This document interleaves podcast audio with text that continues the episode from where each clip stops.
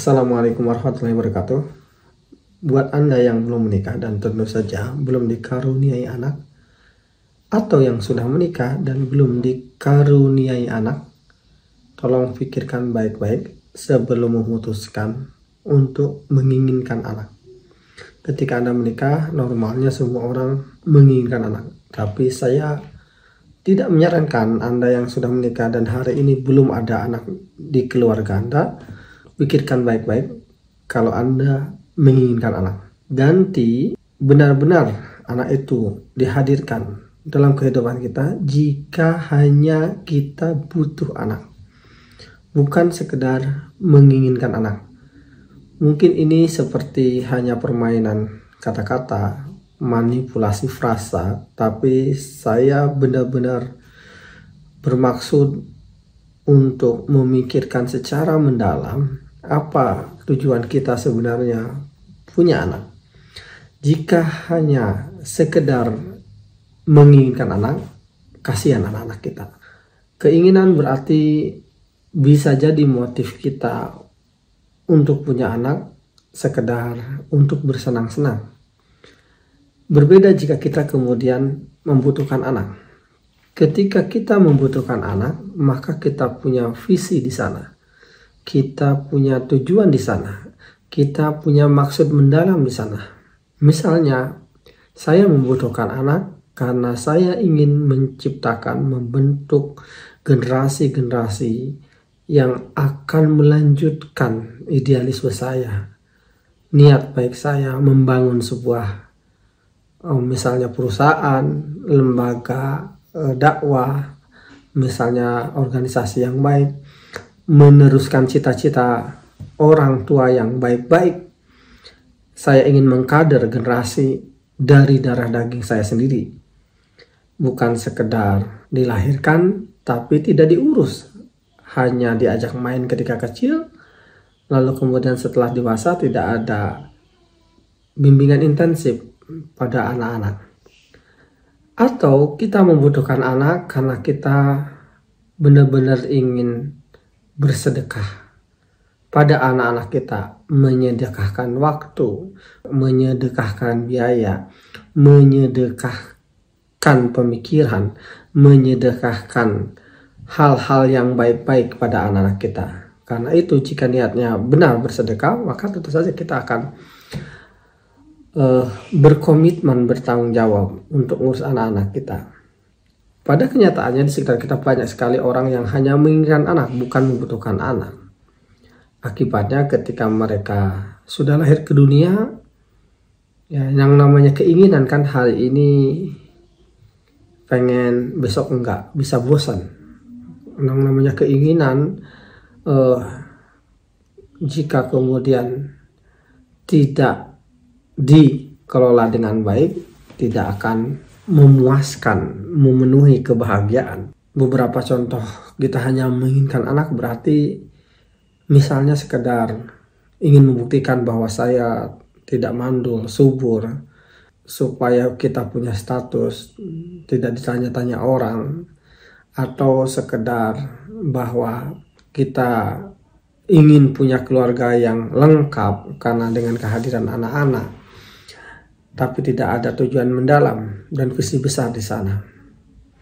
Akibatnya anak-anak itu akhirnya seperti hanya dikembangbiakan, bukan dididik. Dan beberapa waktu yang lalu banyak orang bertanya kepada saya tentang teman-teman di luar sana yang membuat semacam uh, komunitas atau uh, memilih untuk uh, semacam gerakan ya uh, child free uh, tidak menginginkan punya anak meskipun saya tidak setuju dengan 100% apa yang mereka lakukan tapi bagi saya mereka lebih genuine lebih gentle daripada apa yang dilakukan oleh sebagian orang punya anak tapi tidak bertanggung jawab, punya anak tapi tidak dididik, punya anak tapi tidak diurus.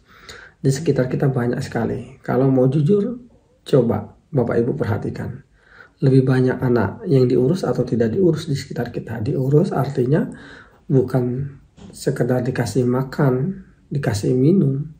Itu hanya sekedar berkembang biak. Diurus artinya karena anak kita terdiri dari uh, jasmani dan rohani anak-anak kita terdiri dari uh, hardware dan software. Artinya juga kita memperhatikan bukan kebutuhan hardwarenya tapi juga kebutuhan softwarenya kebutuhan nilai-nilai norma kebutuhan akan kasih sayang kebutuhan akan mental kebutuhan untuk didisiplinkan, kebutuhan untuk kemudian berkomunikasi, kebutuhan untuk bermain, kebutuhan untuk uh, dibimbing bagaimana mengarahkan mereka berlaku, kebutuhan untuk ngobrol sama orang tua, orang tuanya.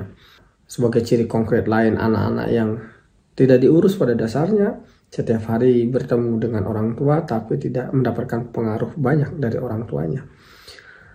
Saya tidak bermaksud ingin menyalahkan siapa pun, tapi saya mengajak teman-teman yang belum punya anak untuk berpikir mendalam, mencari alasan atau motif yang kuat ketika nanti memutuskan punya anak, punya tujuan yang kuat, sehingga setelah kita punya tujuan yang kuat itu, kita akan uh, menantang atau bersabar ketika melewati berbagai macam kesulitan-kesulitan, ketika melewati berbagai macam hambatan-hambatan di tengah jalan ya mulai dari hal-hal kesederhana, kerewelan, kelelahan dan seterusnya, kesibukan, maka kita akan terus berkomitmen dan bertanggung jawab untuk menghadapi semua tantangan-tantangan itu semua.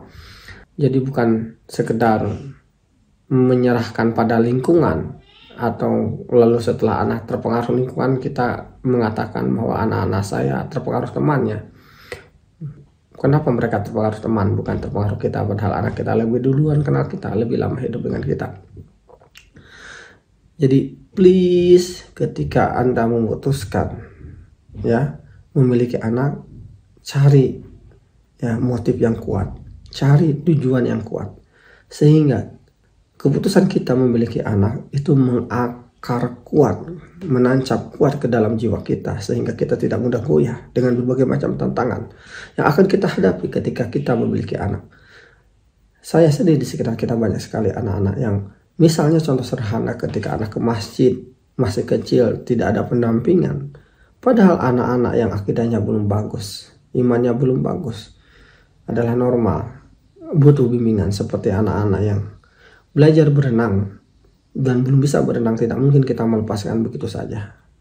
Atau yang lebih konkret di luar ibadah misalnya ketika anak-anak bapak ibu uh, bermain internet, tentu saja boleh menggunakan internet apalagi untuk tujuan-tujuan baik seperti belajar online dan lain-lain menambah skill belajar masak misalnya belajar IT dan seterusnya akan tetapi ya, orang tua yang mengurus anak yang mendidik anak yang bertanggung jawab tidak akan melepas begitu saja anak-anaknya tanpa pendampingan ketika bermain internet. Kita harus memastikan bahwa anak-anak kita bermain internet di depan kita. Sebab ketika anak kita bermain internet, pada dasarnya anak-anak kita tengah berkeliling dunia.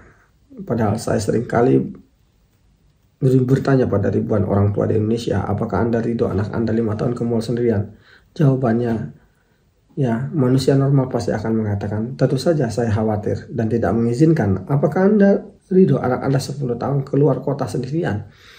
Apalagi naik moda transportasi publik. Tentu saja kita akan khawatir dan mungkin tidak mengizinkan Apakah Anda ridho anak-anak umur 14 tahun, 15 tahun misalnya ke luar negeri sendirian? Tentu sebagian kita yang normal ya kecuali alasan tertentu ya yang normalnya rasanya kita lebih mengizinkan anak kita pergi jika didampingi oleh kita.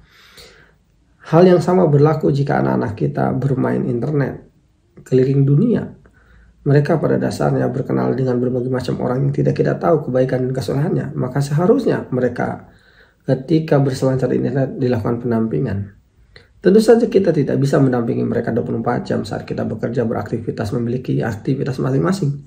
Benar, karena itu ada prinsip-prinsip dasar ketika anak kita bermain gadget misalnya.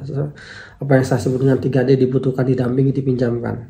Mungkin ada di video lainnya penggunaan gadget yang aman untuk anak. Di video lain saya ada sudah terjadi di situ.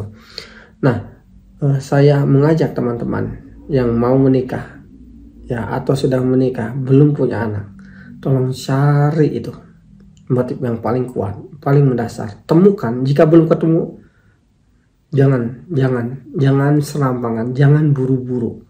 Jangan buru-buru. Oke? Ini bukan masalah keyakinan bahwa ketika Allah sudah memutuskan kita mengizinkan kita punya anak pasti Allah ngasih ngasih kemampuan pada kita. Sebab kemampuan itu juga harus dicari, harus direngkuh, harus diambil. Seperti rezeki ya, harus dijemput begitu. Ya, dengan berbagai macam skill misalnya ilmu, keterampilan yang harus kita jalani. Oke, mudah-mudahan Anda menemukannya uh, motif-motif yang kuat itu sehingga Anda punya idealisme, punya uh, kekuatan untuk menghadapi berbagai macam macam tantangan yang akan Anda hadapi. Terima kasih banyak. Mudah-mudahan bermanfaat. Assalamualaikum warahmatullahi wabarakatuh.